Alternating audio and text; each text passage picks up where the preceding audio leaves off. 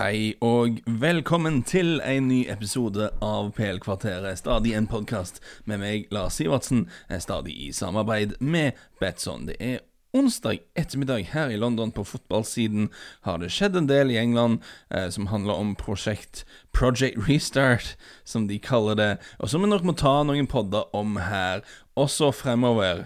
Jeg kommer til å legge ut noen artikler på Betson-bloggen fram mot seriestart om dette her. Den første er oppe nå, og går på hvordan, hvordan spillerne var skeptiske til det hele, og hva Premier League gjorde for å overtale dem om at det var trygt til å komme tilbake. Det er noe vi kan ta eh, senere her òg. Det er en prosess som kanskje ikke var så ryddig eh, som den kunne vært, eh, men de kom til slutt i, i, mål. Her i dag da tenkte jeg da imidlertid at eh, jeg skulle ta en pod om eh, noe som det alltid kommer en del en spørsmål spørsmål og innspill om, eh, nemlig overgangsmarkedet. Eh, overgangsnyheter er jo alltid spennende. Eh, det føles som om overgangssirkuset, og spesielt nyheter og rykter i, i mediene, da er nesten som sin lille industri på, på siden av det hele.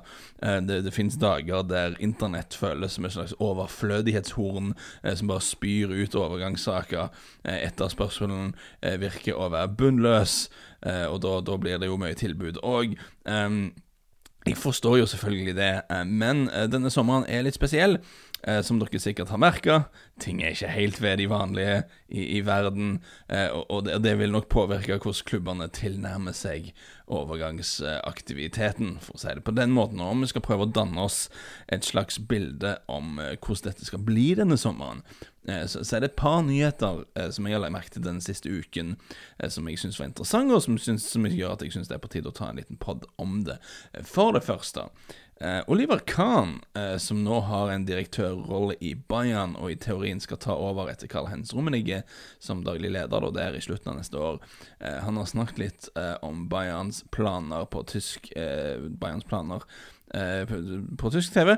Um, og han sa, han sa uh, At the moment uh, Han sa det nødvendigvis ikke på engelsk, det har blitt oversatt.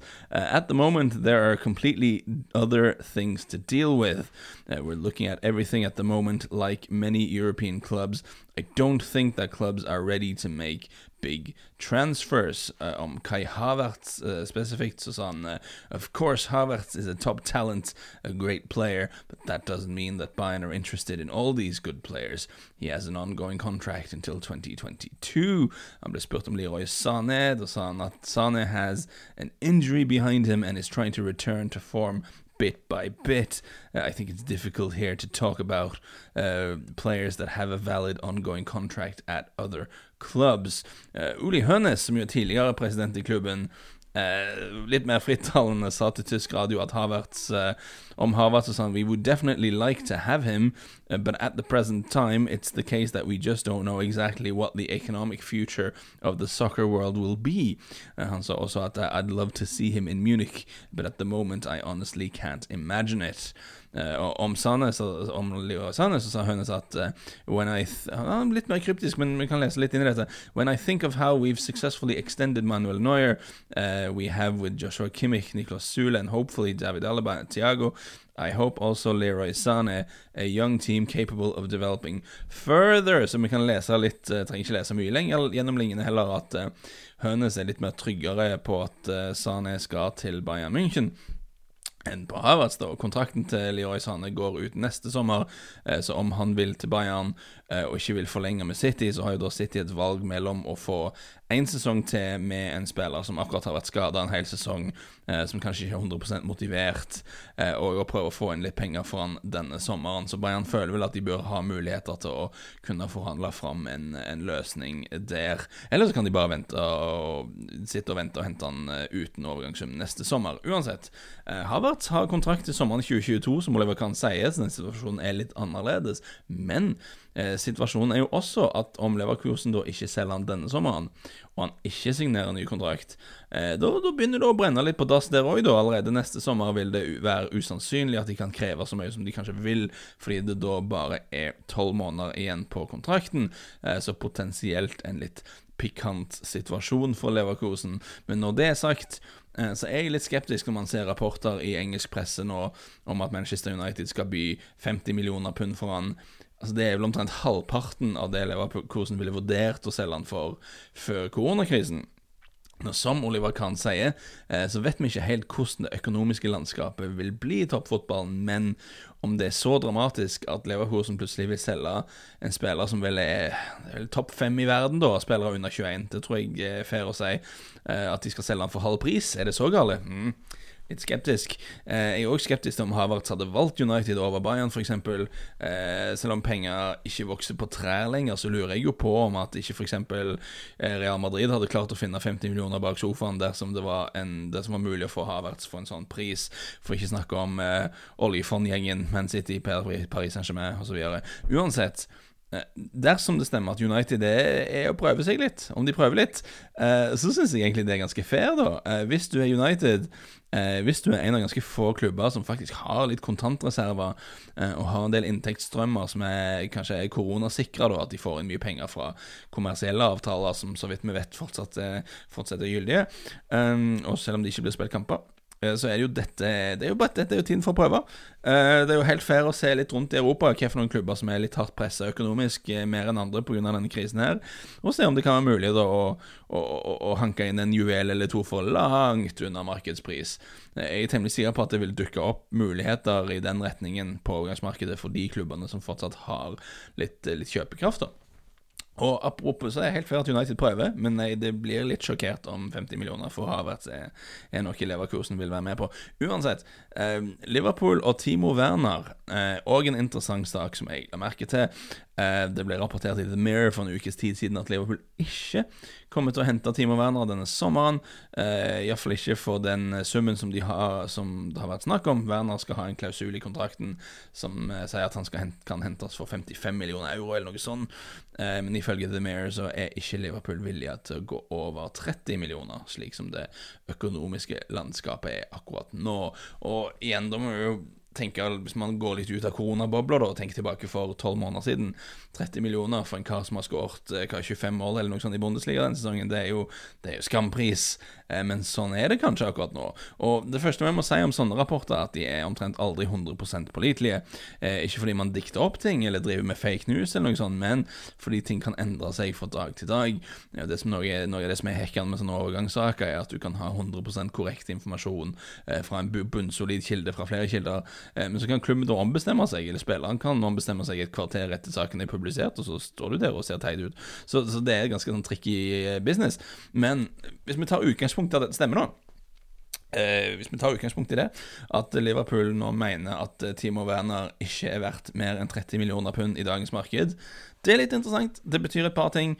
Um, for det første så har jeg vanskelig for å se for meg at RB Leipzig vil selge for en sånn pris. Er jo, de er jo en av klubbene som ikke egentlig trenger, trenger å bekymre seg så mye for penger. Uh, Werner har to sesonger igjen på kontrakten, så de vil eventuelt få mindre penger neste sesong. Eh, og jeg har sett snakk om at uh, den klausulen i kontrakten hans den krymper da fra uh, 55 millioner euro til 35 eller noe neste sommer. Men eh, i, i Timo Werner da, så har RB Leipzig en spiss som har skåret 25 år på, på 28 kamper denne sesongen i Bundesliga, som, som passer godt inn i spillestilen, som kjenner alle de taktiske konseptene og alt det der. Eh, så har det noe som helst for seg å selge han for 30 millioner pund denne sommeren? Det har det vel egentlig ikke. Eh, og selv om spilleren skulle gå sur, da, så er det vanskelig å se den store, den store verdien der. Um, det er også ikke så mye som, til, som, tyder på at Werner er typen til å sette seg på bakbeina, da, så om det jeg tenker her, ok, dette er et lite tankeeksperiment fra min side. da Ofte når jeg sier ting, så er det fordi jeg har hørt rykter eller sånne ting. Dette, dette, som jeg skal si nå, er bare et rent uh, hypotetisk tankeeksperiment. Men, men, det er litt kjekt å holde på med hypotetiske tankeeksperiment, så la oss gjøre det. Dersom ting hadde vært normalt, dersom vi ikke hadde vært i koronakrisen, dersom vi skulle inn i en normal i hermetegn overgangssommer. Eh, da er jeg eh, nokså overbevist om at Liverpool eh, ville gjort mye mer for å hente Timo Werner i sommer, eh, fordi han er veldig god, selvfølgelig, men en annen grunn. Og en grunn som jeg ikke tror Liverpool-folket kommer til å like. Beklager, men eh, det er nå min tankegang. Eh, du kan se at Liverpool har eh, Sadio Mane, Firmino og Salah. Hvorfor skal de bruke mye penger på en ny angriper? Vel, Mane er 28, Salah er 27, Firmino er 28. Så dersom Liverpool er smarte eh, og vi må jo si at de har vært ganske smarte de siste par åra, eh, så tror jeg de vil begynne å se litt på mulighetene for å selge en av de. Og om ikke denne sommeren, da kanskje som neste. Og, og da tenker jeg for en sånn monsterpris, da. Ikke bare sånn få han ut døra, de er jo fantastiske spillere tre, eh, men hvis Real Madrid eller Barcelona eller PSG eller noen har lyst til å betale over 100 millioner pund for dem, eh, så tror jeg det er da denne sommeren eller neste sommer faktisk eh, er tiden for å ta en sånn deal. Eh, de, er en fantastisk trio, en av de beste angrepsrekkene vi har sett i Premier League noensinne. Men det er jo som Sir Alex Ferguson alltid sa, det er når du er på topp at du må begynne å endre på ting. Det er da du skal få inn litt friskt blod, spillere som ikke har vunnet alt der ennå, nye tanker, litt ny dynamikk. Jeg skjønner jo at om du er Liverpool-fan, så det du har lyst til å gjøre, at du har lyst til å se de tre spillerne sammen på topp der for alltid, eh, omtrent. Og, eh, de, de, men det er liksom ikke ideelt om alle tre blir gamle sammen samtidig i klubben der. Og eh, å erstatte de vil selvfølgelig ikke være lett. Å erstatte en av de vil ikke være lett, men i Timo Werner så har du en fyr som, som kan spille en sånn kantrolle som minner veldig om den man har hatt i Liverpool, uh, og som, som, samtidig denne sesongen har spilt mer sentralt enn før. Så han har tatt store steg der, mer involvert i spillet enn før, syns jeg. Eh, han er òg vant til å spille med sånn høyt press som Klopp liker. Så om man da hypotetisk eh, kan hente han i sommer for 55 millioner pund, eller hva det var Du kan gi han én sesong til å tilpasse seg, konkurrere med de andre tre eh, om, om, en plass, om å finne seg til rette og finne en dynamikk der som han kan passe inn i. Og om Klopp da ser på trening og i kamp at OK, han passer, han funker, han kan ta plassen til en av de tre. Eh, da vil man jo da ha mulighet til neste sommer cashe inn eh, på en av de tre store navnene eh, på topp der, for du har allerede en erstatter som er klar i klubben. Og, Dette er bare spekulasjon fra min side, det er helt hypotetisk, det er et sånt tankeluftslott, men jeg tror at det er det som hadde skjedd i Liverpool dersom vi ikke hadde fått denne koronakrisen. Og, og, kanskje det fortsatt er det som skjer. Men nå har vi denne krisen, da, og det endrer jo regnestykket for Liverpool. Eh, fordi det er ikke lenger sånn at klubber nødvendigvis står i kø for å kaste 100 millioner pluss etter de spillerne. Altså Neste sommer er Salah 28, man er 29. Hvor mange klubber der ute er egentlig i posisjon til å betale sånne megasummer for spillere, og da spesielt raske spillere, da som har tempo som en av de fremste våpnene sine, som nesten er 30? Er det den økonomien vi kommer til å være i? Det tror ikke jeg, altså. Uh, og om du da ikke kan få en sånn vill overgangssum for dem, da er det jo like greit å bare holde på dem. De er jo fantastiske spillere. Uh, hvis de er motiverte, så kan du kanskje den, den oppfriskingen, den Sir Alex Ferguson-refreshen, kan kanskje komme andre steder på banen da. Um, og for, for det er jo sånn Man er jo i den situasjonen at man man vet ikke hvor mye mindre inntekter man kommer til å få, men man vet at det vil være ganske mye.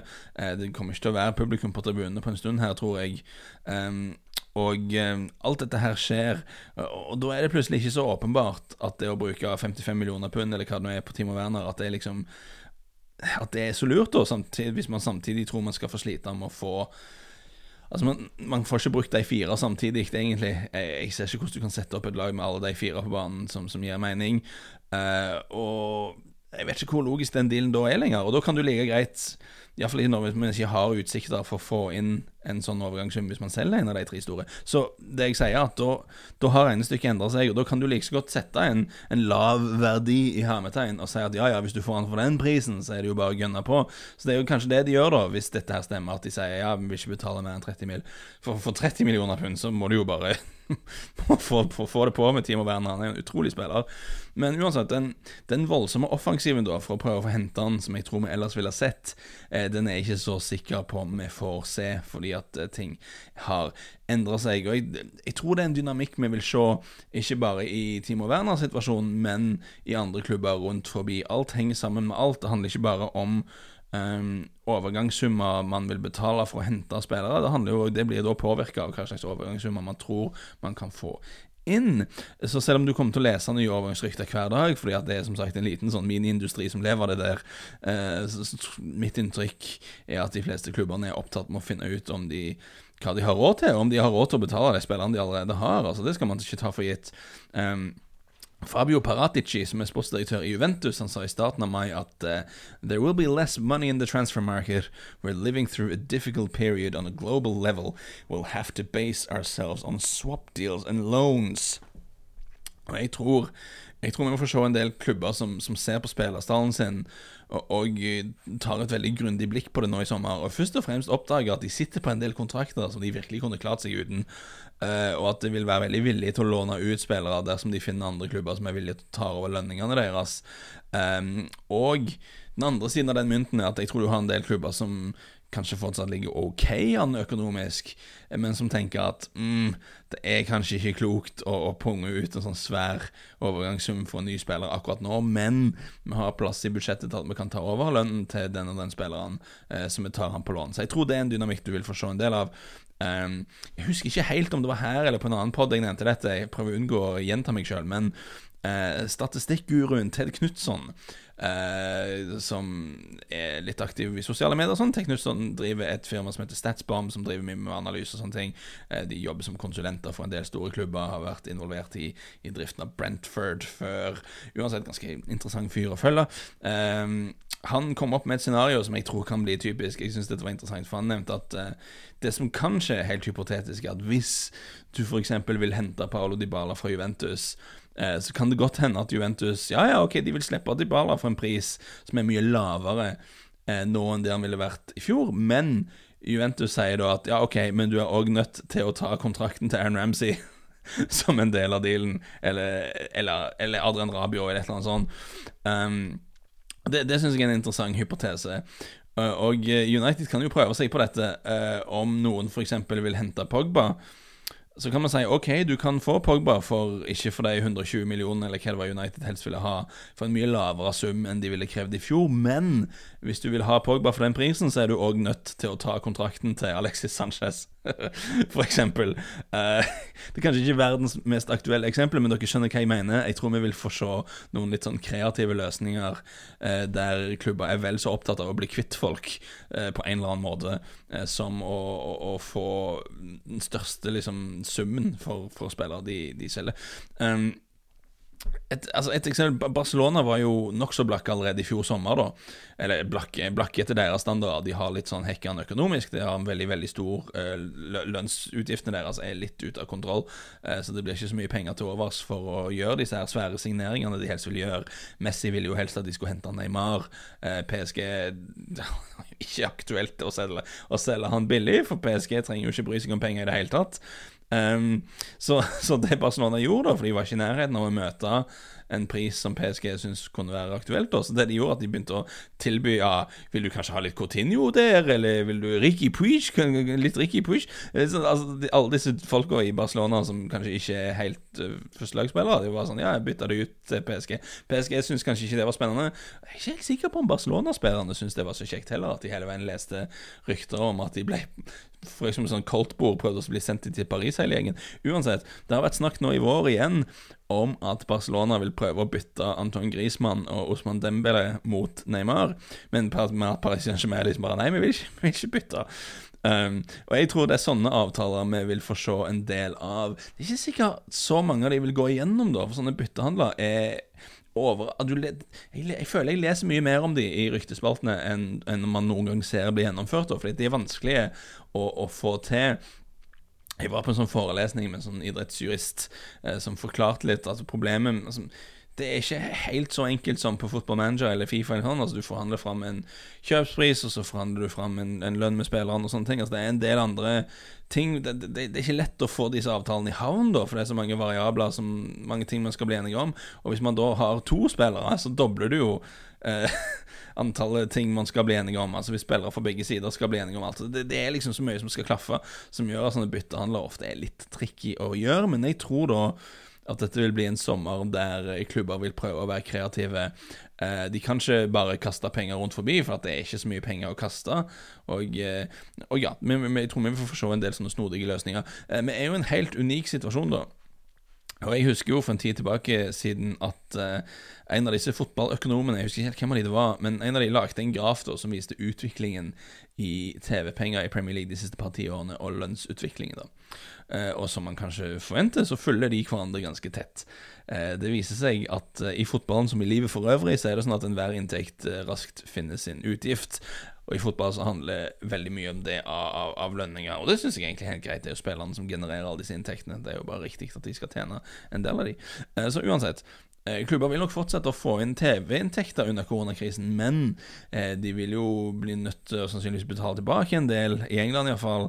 Andre steder så er det sånn at man ikke har mottatt betalinger for, for en viss tidsperiode i vår, for det har ikke vært noe fotball å, å betale for.